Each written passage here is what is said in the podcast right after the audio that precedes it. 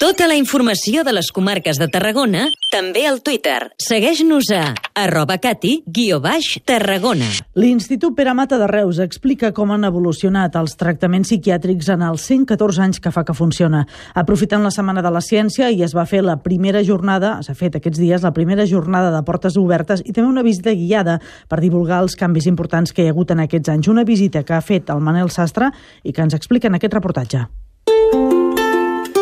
De manicomi a centre de referència internacional en la recerca psiquiàtrica.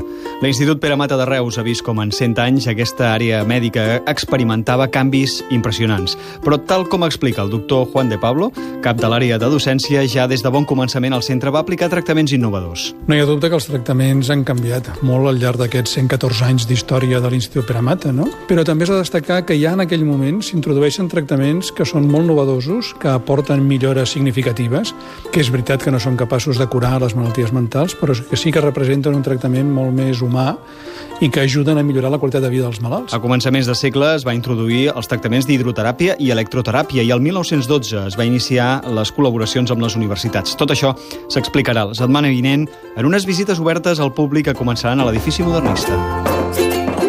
Ara estem a l'anomenat pavelló dels distingits de l'Institut Pere Mata de Reus.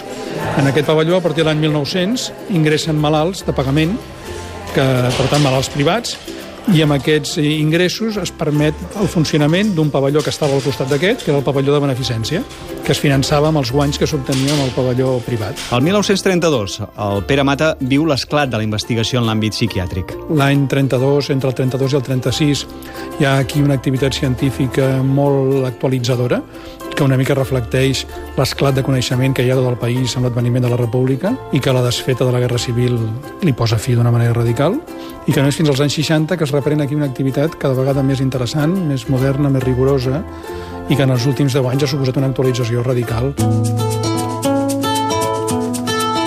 L'objectiu de les visites és anar més enllà dels tòpics i la història i mirar cap al futur. La gent tot sovint té una imatge de l'Institut Pere Mata molt quedada en la història, no? en la història, en el modernisme, que sens dubte forma part del nostre passat, però que darrere d'això hi ha una activitat científica molt positiva i molt beneficiosa pels pacients i que actualment, ja dic, es tradueix en una activitat científica de reconeixement internacional. L'activitat acaba al nou centre d'atenció i recerca construït davant l'edifici modernista històric.